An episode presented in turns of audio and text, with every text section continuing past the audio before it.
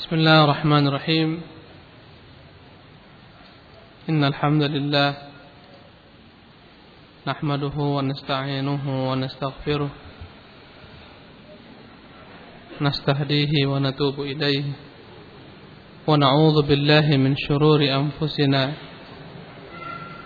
ومن سيئات أعمالنا.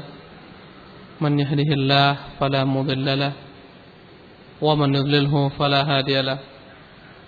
أشهد أن لا إله إلا الله وحده لا شريك له وأشهد أن محمدا عبده ورسوله الذي لا نبي بعده. أما بعد قال المصنف رحمه الله وعن جابر بن عبد الله رضي الله عنهما قال أعتق من أعتق رجل منا عبدا له عن دبر ولم يكن له مال غيره فدعا به النبي صلى الله عليه وسلم فباعه متفق عليه dari Jabir bin Abdullah semoga Allah taala meridhai keduanya Jabir dan bapaknya Abdullah dia berkata a'taqa rajulun minna 'abdan lah seorang dari kami, seorang laki-laki dari kami membebaskan budaknya an duburin membebaskan budaknya setelah dia meninggal, setelah dia wafat. Walam yakun lahu malun ghairu. Sementara dia tidak memiliki harta kecuali budak tersebut. Kecuali hanya budak tersebut saja. Fada'a Nabi sallallahu alaihi wasallam faba'aha. Maka Nabi memanggil orang ini akan membawakan budaknya pada Nabi sallallahu alaihi wasallam faba'ahu kemudian Nabi menjualkannya. Nabi menjualnya muttafaqun alaih. Para ikhwan yang dimuliakan Allah, kita masih dalam bab jual beli. Kita berbicara tentang hadis Jabir bin Abdullah radhiyallahu anhuma menceritakan tentang salah seorang dari sahabat Rasulullah sallallahu alaihi wasallam yang berjanji berjanji kepada budaknya kalaulah dia meninggal maka budaknya bebas. Bahasa Arabnya a'taqa an duburin walam yakun lahu malun ghair. Sementara laki-laki ini terlibat hutang dan dia jatuh pailit dan memiliki hutang Sementara dia nggak punya harta kecuali budak ini saja. Fada'a bihin Nabi sallallahu maka Rasulullah panggil dia untuk membawa budaknya, budaknya faba'ahu. Kemudian Nabi pun menjual budaknya dan dari penjual tersebut dibayarkanlah hutangnya. Muttafaqun alaih. Ikhwani rahimakumullah, kita akan gali sedikit demi sedikit yang berkaitan dengan hadis yang mulia ini. Hadis ini menunjukkan tentang adanya perbudakan dalam Islam. Adanya perbudakan dalam Islam. Walaupun dalam banyak sekali penjelasan agama yang mulia ini anjuran-anjuran untuk membebaskan budak maka Rasulullah sallallahu alaihi wasallam membenarkan perbudakan sallallahu alaihi wasallam. Tetapi harus dipahami perbudakan dalam Islam pintunya satu saja. Pintunya tidak dilakukan melainkan dari peperangan jihad fi sabilillah. Maka kalaulah orang-orang kufar tertawan, mereka berhak menjadi budak. Mereka layak menjadi budak yang dapat diperjualbelikan kalaupun dia wanita ya, maka dia berhak untuk menjadi budak bagi tuannya. Layak untuk diperjualbelikan layak diperbantukan untuk membantu usahanya atau diangkatnya sebagai budak yang dia pakai sebagaimana dia mencampuri istrinya.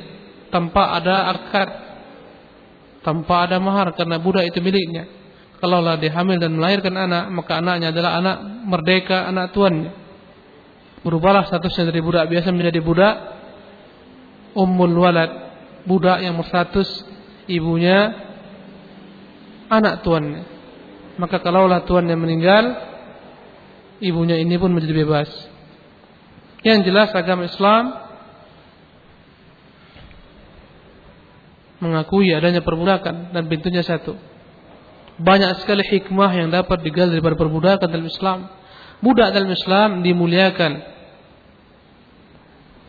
Rasulullah merintahkan kepada tuan-tuan budak agar memberi makan mereka sebagaimana mereka makan, memberi pakaian mereka sebagaimana mereka berpakaian, memberi minum mereka sebagaimana mereka minum. Subhanallah. Dan Nabi dalam kisah ini membenarkan perbudakan. Rasul tidak ingkari. Yang Rasulullah ingkari, dia tidak punya harta dan dia punya hutang. Kemudian dia berjanji kepada budaknya, jika aku meninggal engkau bebas. Itu yang Rasulullah Sallallahu Alaihi Wasallam ingkari. Bagaimana kau janjikan kepada budak budak untuk bebas sementara engkau punya hutang? Maka Rasul jual budaknya dan dibayarkan dengan hutangnya. Itu yang Rasulullah SAW ingkari. Jadi walaupun Islam membolehkan perbudakan dari satu pintu, tapi berbagai macam ragam pintu-pintu untuk membebaskan budak. Tujuannya hikmahnya adalah setelah orang-orang kufar menjadi budak, berinteraksi dengan kaum muslimin, kemudian mereka mendapatkan banyak ilmu tentang Islam, mereka masuk Islam, mereka tertarik dengan agama yang mulia ini, mereka belajar. Dan tidak sedikit daripada ulama para pada masa tabi'in asalnya adalah budak Hasan Basri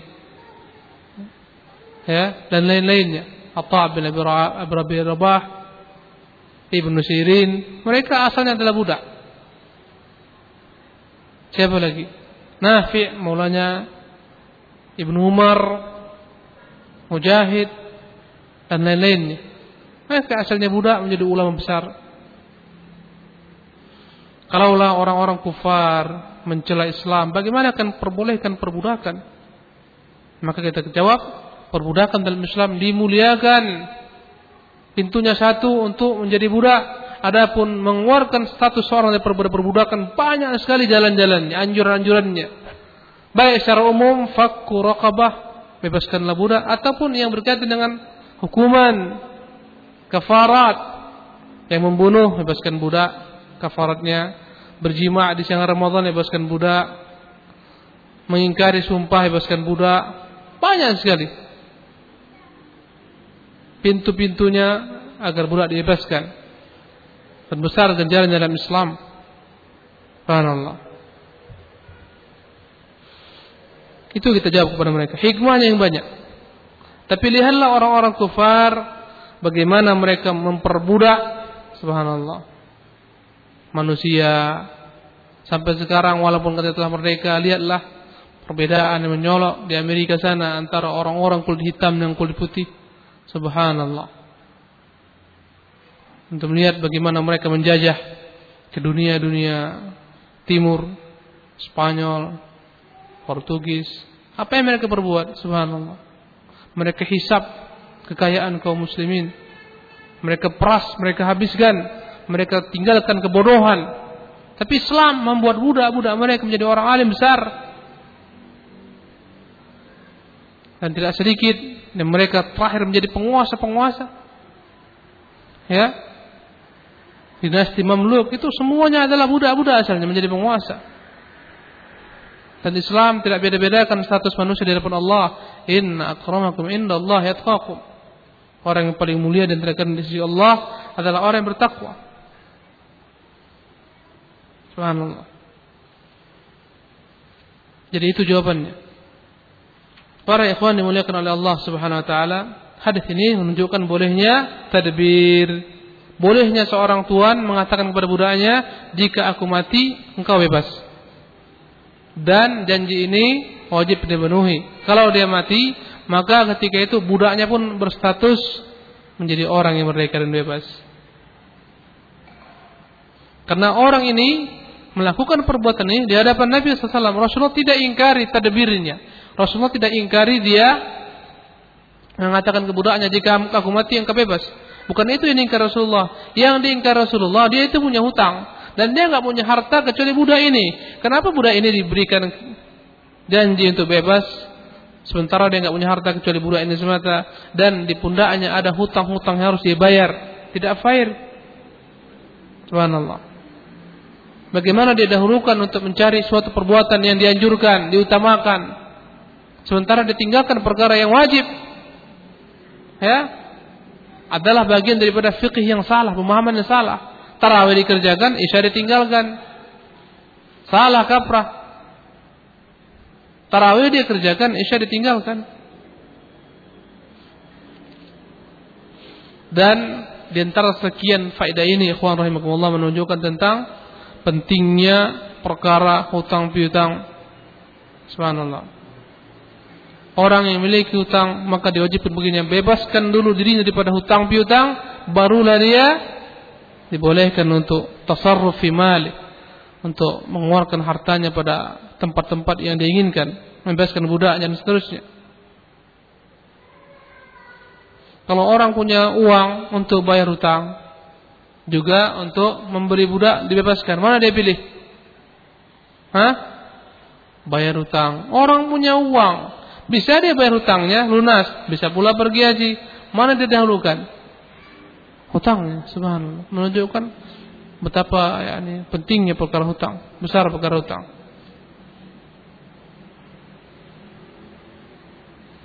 Dan dalam hadis ini terkandung faidah bahwasanya pemilik harta.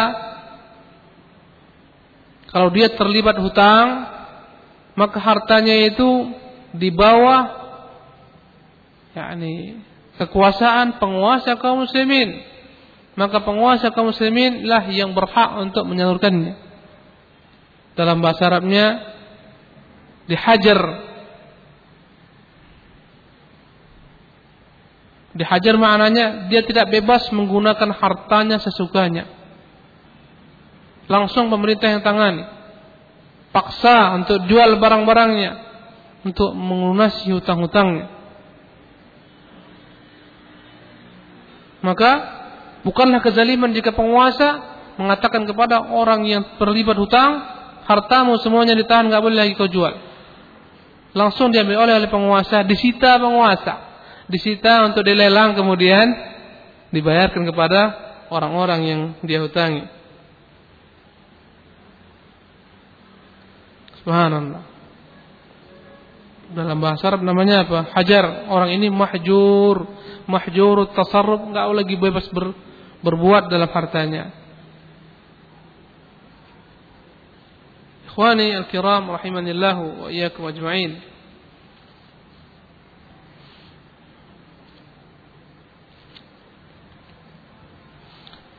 Adapun kaidah faidah lain yang dapat diambil daripada hadis ini adalah bahwa bolehnya menjual budak yang dijanjikan untuk dibebaskan setelah mati tuan boleh dijual.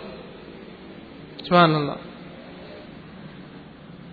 Dalam mazhab Syafi'i dan Ahmad, seorang tuan yang berjanji akan bebaskan budaknya ternyata nggak punya harta kecuali itu saja, maka dia boleh jual harta, boleh jual budaknya ketika dia membutuhkan untuk menjualnya karena ada hajat, ada yang mau dibeli atau ada hutang harus dilunasi. Dibolehkan dan itu tidak dianggap perbuatan yang tercela mengingkar janji tidak. Dibolehkan. Buktinya Rasulullah sendiri yang menangani perkara ini. Rasulullah jual budak tersebut. Padahal dia berjanji. Ya. Berjanji untuk membebaskan budaknya.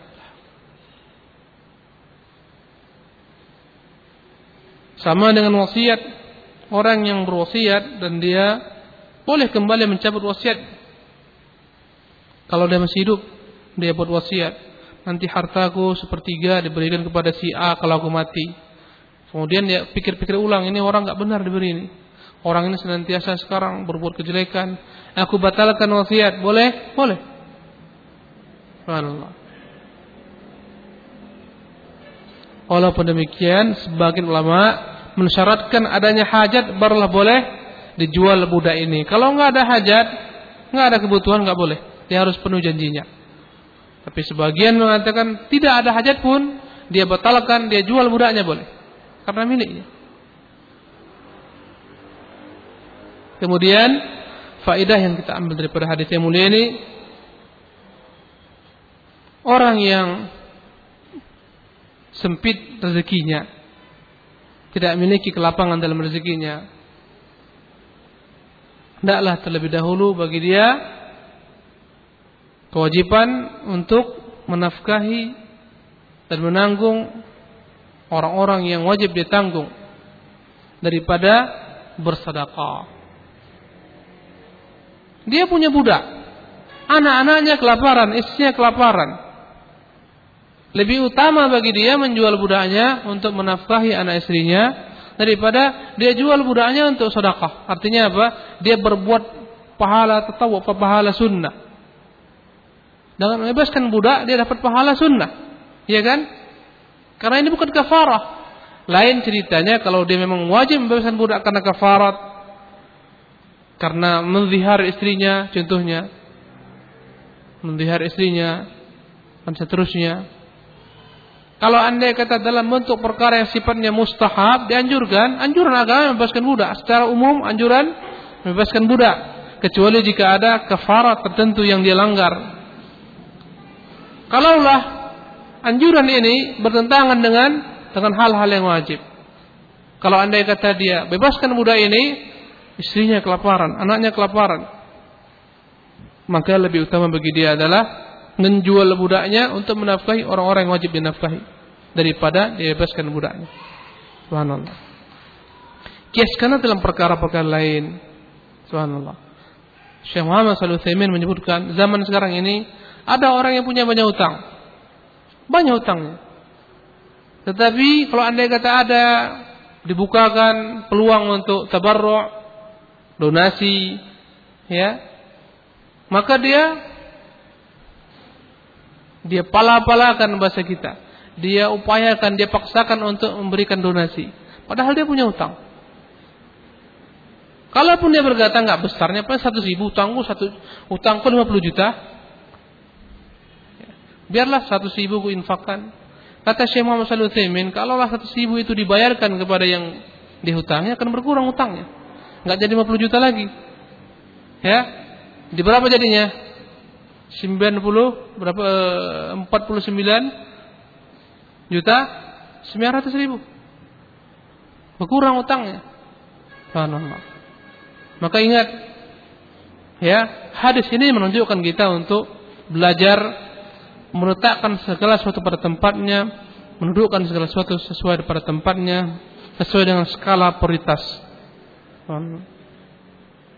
Kadang kita nggak tahu skala prioritas apa yang harus dibuat. Dalam banyak hal terkadang yang nggak begitu penting kita buat, ketinggalkan yang lebih penting. Maka Islam mengajarkan seorang agar membuat skala prioritas. Bukan hanya dalam berjual beli dalam perkara dunia, dalam perkara agama pun demikian.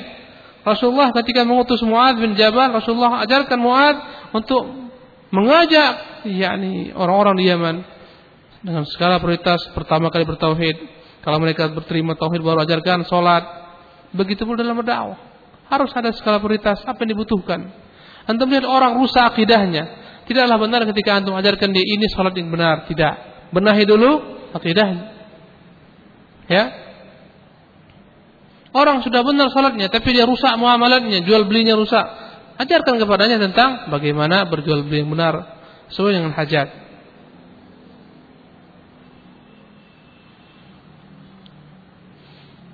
Jadi orang dalam keadaan sempit, ya, jangan sampai dia ya mengerjakan sesuatu yang tidak seharusnya dia perbuat. Hendaklah diperbuat yang lebih penting, barulah berikutnya dan berikutnya. Hendaklah didahulukan yang wajib, baru yang sunnah, mustahabat. Ya. Bahkan dia boleh tinggalkan perkara sunnah. Kalau khawatir kelak akan tergelincir kepada perbuatan yang haram seperti meninggalkan mencium hajarul aswad, hukumnya sunnah. Itu lebih diutamakan daripada berusaha mencium hajarul aswad tetapi dengan menyakiti orang, berdesak-desakan, menyenggol kiri kanan. Ini adalah skala prioritas dalam beribadah. Maka ikhwan rahimakumullah tentunya hadis ini sebagai pelajaran bagi kita untuk mengatur segala sesuatu sesuai dengan skala prioritasnya. Ya. Allah taala alam. Wajah hadis berikutnya. Fadhal. وعن ميمونة رضي الله عنها زوج النبي صلى الله عليه وسلم أن فأرة وقعت في سمن فماتت فيه فسئل النبي صلى الله عليه وسلم عنه عنها فقال ألقوها وما حولها وقلوه رواه البخاري وزاد أحمد والنسائي في ثمن جامد وعن ميمونة رضي الله عنها زوج النبي صلى الله عليه وسلم dari Maimunah Semoga Allah meridhoinya istri Nabi sallallahu alaihi wasallam. Zauj. Ya, bukan zaujah tapi zaujun. Bahasa yang paling fasih dalam bahasa Arab menyebutkan tentang istri zaujun. Al-Qur'an dengan menggunakan bahasa zaujun. Ya. Rasulullah hadis sunnah juga mengatakan dengan perkataan zaujun. Pasangan, istri, dalam ilmu faraid sajalah baru dikatakan zaujatun. Dalam ilmu faraid untuk membedakan antara suami dan istri karena berbeda bagiannya. Istri dapat seperlapan jika suami punya anak, suami dapat seperempat jika yakni dia punya anak dengan istrinya itu. Meninggal istrinya dia dapat seperempat. Dia dapat setengah kalau istrinya nggak punya anak, dan istri dapat seperempat daripada harta jika suaminya tidak punya anak. Untuk membedakannya baru diterapkan kata-kata zaujatun. Tapi selain daripada itu bahasa yang fasih untuk perempuan pun apa namanya? Zaujun. Zaujin Nabi sallallahu alaihi wasallam. Istri Nabi sallallahu alaihi wasallam. An fa'ratan waqa'at fi samnin famatat fihi. Berkata Maimunah, ada seekor tikus yang terjatuh masuk ke dalam minyak asamin. Famatat fihi dan akhirnya dia pun mati dalamnya. Tenggelam mati dalamnya. Fasu'ilan Nabi sallallahu alaihi wasallam anha. Maka ditanyakanlah Nabi sallallahu alaihi wasallam tentang tikus yang mati ini yang masuk dalam minyak asamin, tenggelam dan mati. Faqala maka Rasulullah menjawab, alquha wa ma haulaha. Buanglah tikus tersebut dan yang di sekitarnya. Wa kuluhu. Kemudian makanlah minyak tersebut. Rawahul Bukhari. Kata Nabi, buang tikus itu, keluarkan dia dan yang di sekitarnya buang. Setelah itu makanlah minyak tersebut. Rawahul Bukhari. Wa zada Ahmad wan Nasa'i fi samnin jamidin.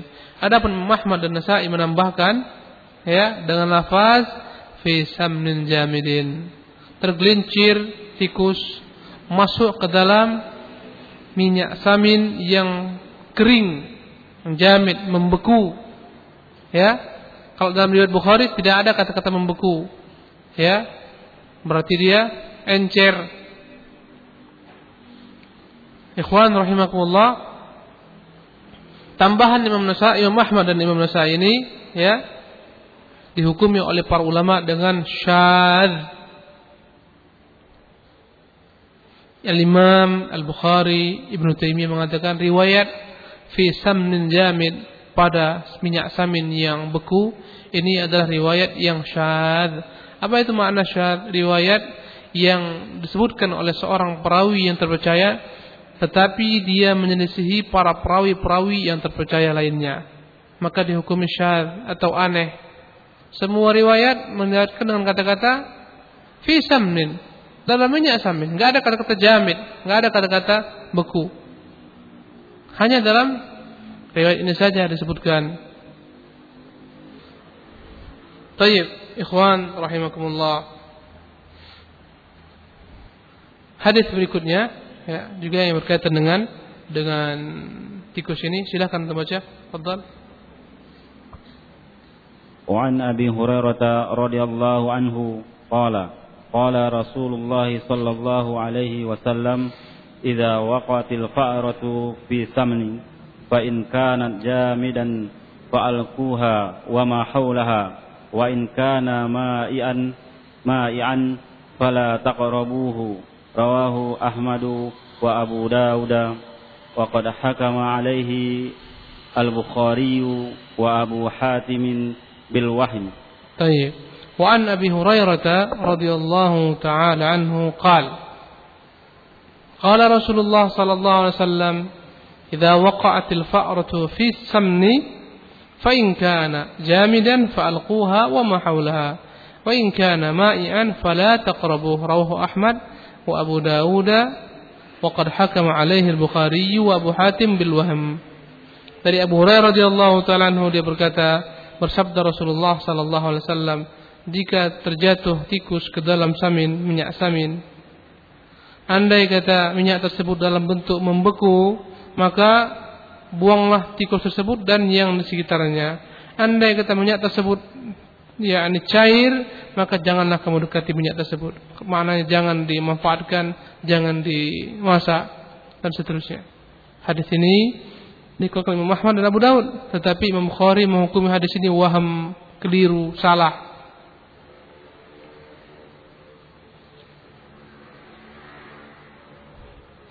Dan memang yang benar riwayat ini pun adalah riwayat yang keliru yang salah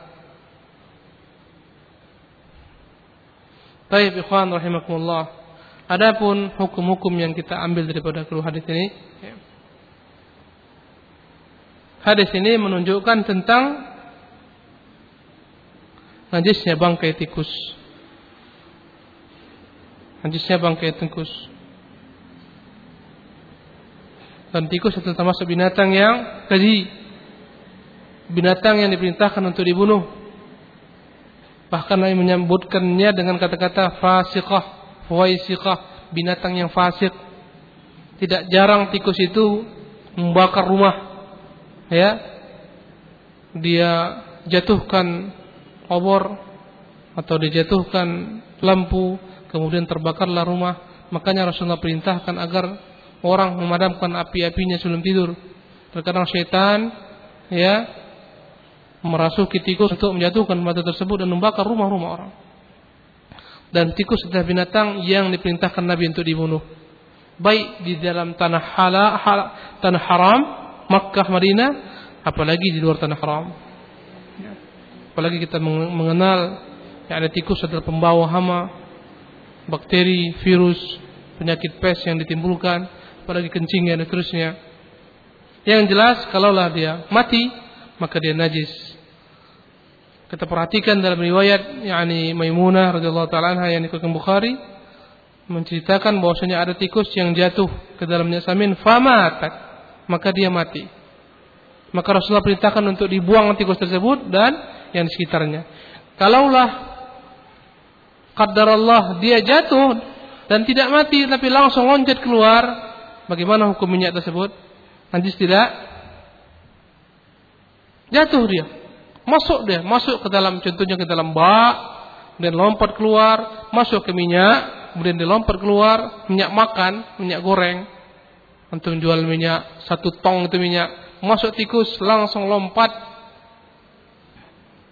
Jadi najis ya? Enggak. Kalau dia masih hidup, dia enggak najis. Tikus ketika hidup dia enggak najis. Dia akan menjadi najis ketika dia telah menjadi bangkai. Jadi anda kata masuk tikus ke minyak gorengan tempe itu jual aja nggak apa-apa. Selama dia langsung keluar, ya, dan tidak mati di sana. Kalau mati di sana, bagaimana ceritanya? Dalam riwayat Maimunah radhiyallahu taala Rasulullah perintahkan agar dibuang tikus tersebut dan yang di sekitarnya. Selama tidak mempengaruhi warna, rasa, bau, buang dia dan yang di sekitarnya. Berapa kira-kira takarannya? Sebagian menyebutkan takarannya satu apa namanya? Sebutkan di sini kira-kira satu mud gitu. Itulah dia. Tapi nggak ada riwayat yang sahih dari Nabi SAW. Yang penting diperkirakan saja tikus tersebut dan yang sekitarnya dibuang. Menunjukkan ini perkara yang baru. Andai kata lama, tentulah ini akan mempengaruhi bau, rasa, ya. Ketika telah terpengaruhi rasanya baunya berubahlah semuanya menjadi najis, nggak dapat dipergunakan. Jangan sampai antum menjual lagi minyak goreng itu kalau udah bercampur dengan bangkai tikus sudah berubah baunya. Andai kata barusan dan dia mati, ya Rasulullah perintahkan untuk menjaga-jaga agar jangan tersebar ke tempat yang lain. Buanglah tikus tersebut dengan yang di sekitarnya saja. Setelah itu gunakan, pakai, pakailah minyak tersebut, ya. Ini banyak terjadi, Allah. Bab yang penting kita pelajari, ya. Masuk ke minyak goreng, masuk di mana di tempat air kita, terkadang masuk ke mungkin ke dalam madu dan langsung dia keluar atau langsung dia mati ini semuanya ikhwan rahimakumullah dalam agama kita kalaulah dia memang masuk dan mati kemudian kita ketahui dan belum berubah semua yakni kondisi tempat eh, apa namanya kondisi cairan yang dia masuki maka buanglah tikus tersebut dengan yang di sekitarnya kemudian gunakan Antum bisa gunakan untuk digoreng kembali jika minyak goreng, diminum jika ada madu, ada air dan seterusnya dibolehkan. Subhanallah. Karena kalau antum tumpahkan semuanya, satu drum itu israf, mubadir. Kalau lah enggak antum gunakan, juga israf, mubadir dan Islam mengharamkan segala macam tindakan-tindakan yang mubadir. Subhanallah.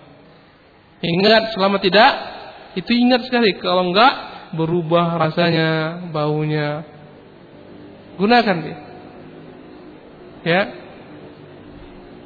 kalau secara mutlak tikus masuk, mati jangan lagi dipakai airnya, masuk ke sumur antum, ya mati antum timba naikkan dengan timba dibuang, apakah sumur antum nggak boleh dipakai lagi? Menyulitkan. Langsung buang. Gunakan lagi, gunakan lagi. Subhanallah. Kemudian tadi dijelaskan tentang lemahnya riwayat-riwayat mengatakan bahwasanya minyak tersebut dalam keadaan jamid, kering, membeku. Lemah riwayatnya. Kalaulah minyak tersebut kering, niscaya tikus ini nggak akan mati, dia akan bisa keluar. Ya enggak? Makanya lemah. Dia mati karena cair, dia tenggelam ke dalamnya. Kalau anda kata dia kering, membeku, dia akan jalan di atasnya.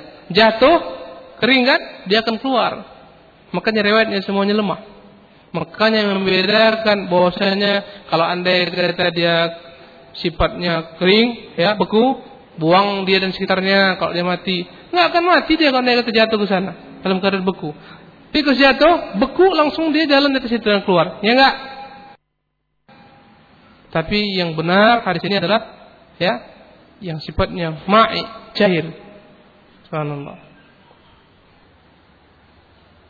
di antara sekian faedah yang dapat kita petik pada hadis ini Allah tadi telah jelaskan tentang najisnya tikus tadi telah jelaskan bagaimana cara yakni membuang tikus tersebut menggunakan yakni wadah yang dia masuk dalamnya. Di antara faedah lainnya adalah kita melihat betapa gigihnya para sahabat radhiyallahu taala anhum ya dalam perkara agama mereka dan dalam perkara dunia mereka. Mereka tidak tergesa-gesa masuk tikus langsung mereka buang enggak. Subhanallah. Mereka pun enggak tergesa-gesa, ah biar aja langsung makan enggak langsung mereka konsumsi enggak? Mereka tunggu dulu, bertanya dulu kepada Nabi sallallahu alaihi wasallam. Ini menunjukkan betapa sahabat ridwanullah alaihi ajmain meninggalkan kepada kita uswah, contoh suri tauladan dalam beragama, dalam yakni perkara agama maupun dalam perkara muamalah dunia. Mereka enggak sembarang-sembarangan bertanya dulu kepada Nabi sallallahu alaihi wasallam. Orang sekarang paling malas bertanya. Pokoknya langsung aja amalkan tanpa ilmu akhirnya mereka salah dalam amalannya. Kemudian hadis ini menunjukkan kita nggak boleh malu dalam perkara-perkara ilmu, perkara-perkara yang kita butuhkan. Tanyakan saja. Ya, masuk tikus ke dalam antum jualan apa?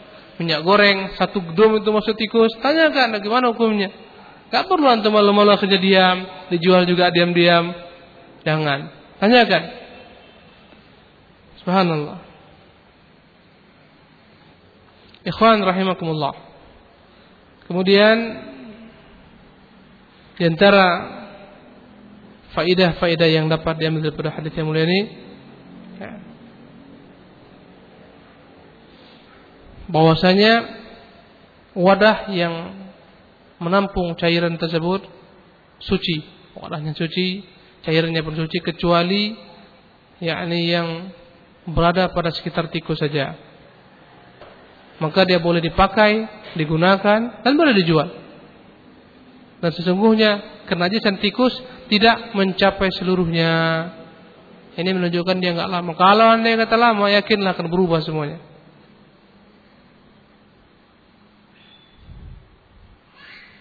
Perkataan di sini samin, minyak samin menunjuk, bukanlah menunjukkan hanya berlaku pada minyak samin, tapi dikiaskan kepada semua cairan yang antum gunakan semuanya.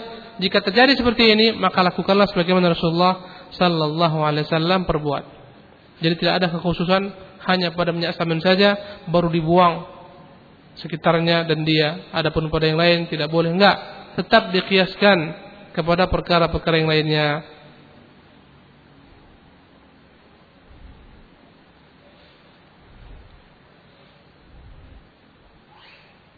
Baik, ikhwan rahimanillah wa iyyakum ajmain.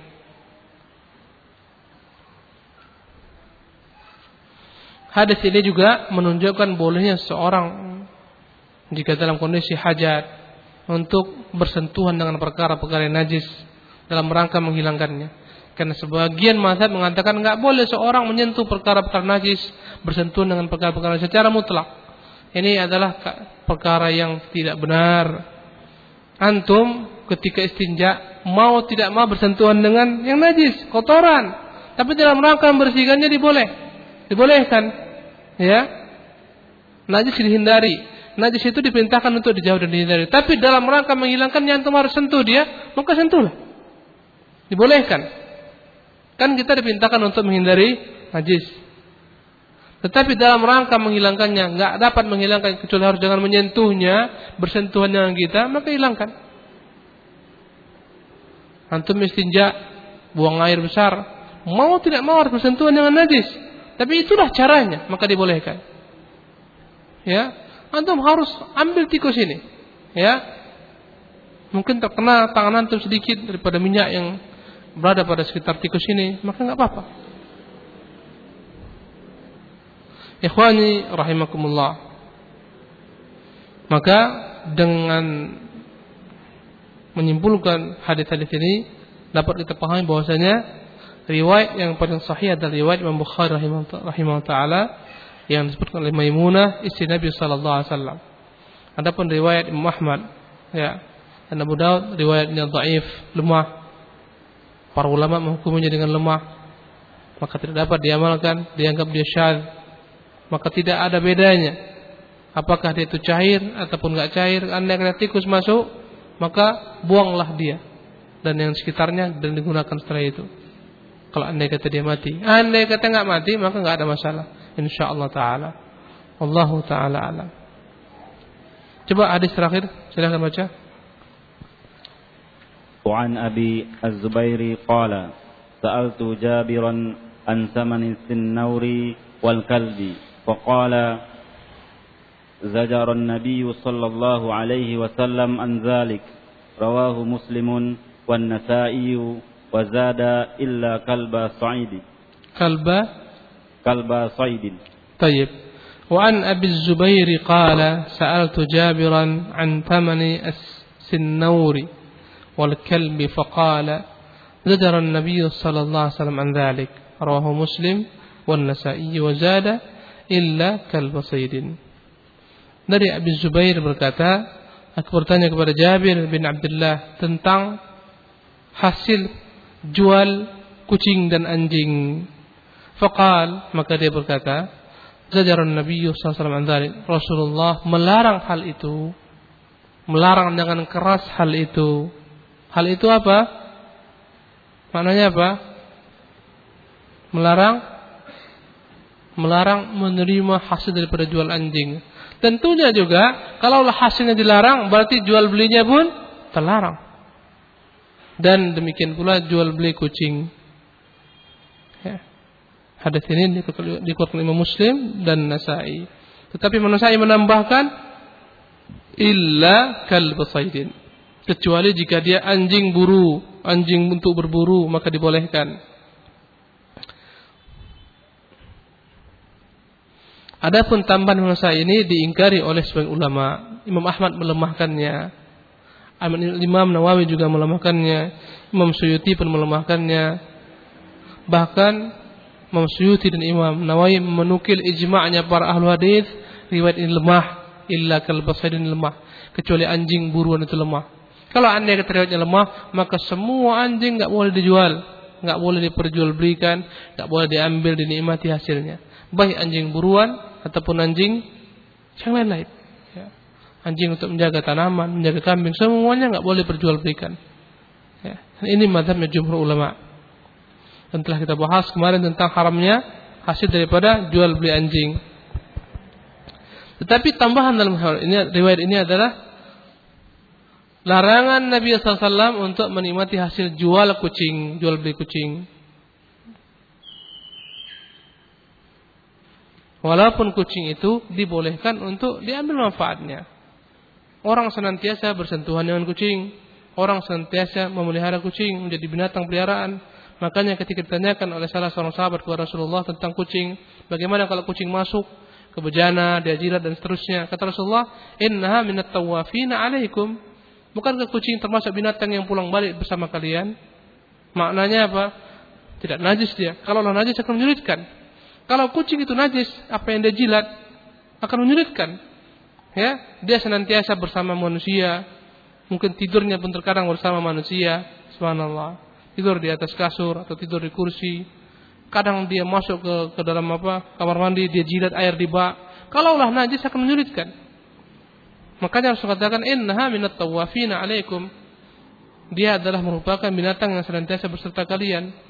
Maka kucing sepakat ulama tidak mengapa untuk yakni bersama manusia dipelihara, nggak mengapa. Bahkan ada ancaman menyakiti kucing. Seorang wanita masuk neraka gara-gara dia menyakiti kucing. Ya, dia kurung nggak dibiarkan untuk cari makan sendiri, akhirnya kucing itu mati. Makanya Allah SWT marah dan memasukkan perempuan tersebut ke dalam neraka. Subhanallah. Jadi kucing adalah binatang yang suci. Ketika hidupnya dia suci. Dan walaupun dia binatang suci, tapi tidak boleh dijual menurut hadis yang mulia ini. Makanya pandangan ulama-ulama Hanabilah bahwasanya kucing itu tidak boleh dijual belikan. Karena hadis ini zajara. Arti zajara adalah melarang agar dijauhi perbuatan ini.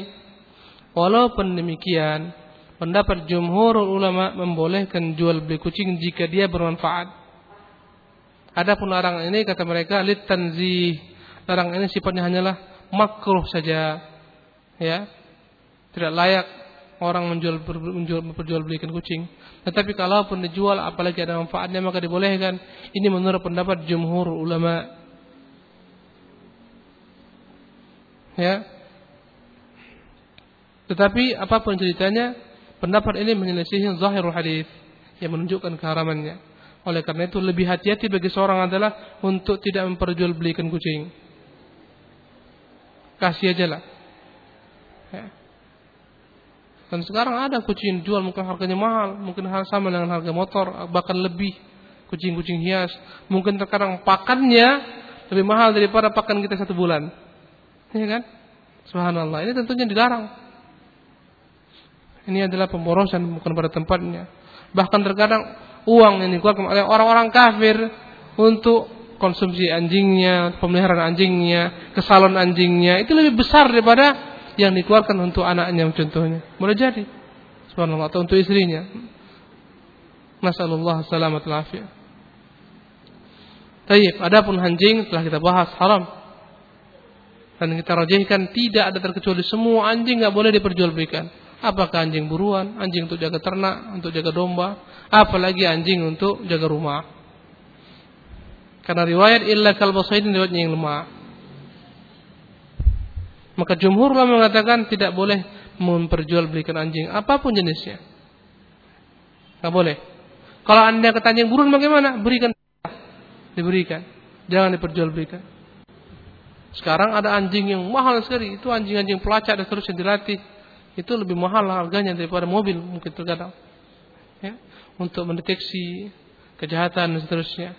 Tetapi kita katakan dalam Islam nggak boleh semuanya. Semuanya nggak boleh lakukan. Ikhwani rahimanillah wa iyyakum ajma'in. Demikianlah kajian kita hari ini. Insyaallah minggu depan kita akan berbicara tentang hadis Aisyah radhiyallahu taala ya. Allah taala a'lam. Assalamualaikum warahmatullahi wabarakatuh. Waalaikumsalam. Uh, saya mau menanyakan tentang masalah gadai yang terjadi di kampung saya. Uh, jika ada seseorang mempunyai ladang gitu sawah, terus digadaikan kurang lebih kira harga satu juta misalnya. Hmm. Terus sawah itu dimiliki oleh yang mempunyai uang tadi gitu. Sampai lama entah tak terbatas waktunya. Dimiliki atau diambil manfaat sawah tersebut? Diambil manfaatnya. Bukan dimiliki kan?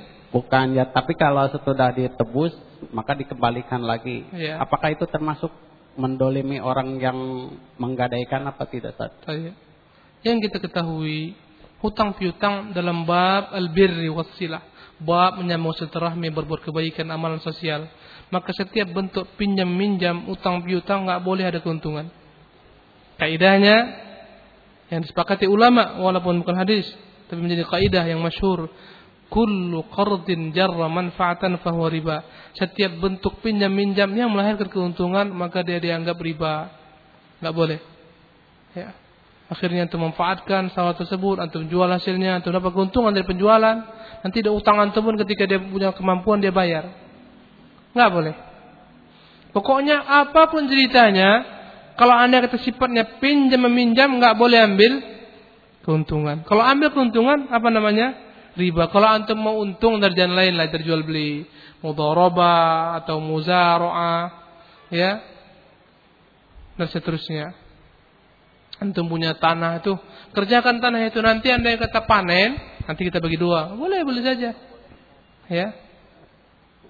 Dan seterusnya tapi anda kata dari utang piutang nggak boleh ada keuntungan nah, tapi kalau sudah menjadi tradisi gimana itu tradisi yang menjadi syarak tidak dapat diterapkan kalau sudah menjadi tradisi orang semuanya berbuat kejelekan contohnya tradisi orang zina dulu baru nikah gimana Pak Iwan Tradisi orang zina dulu bernikah.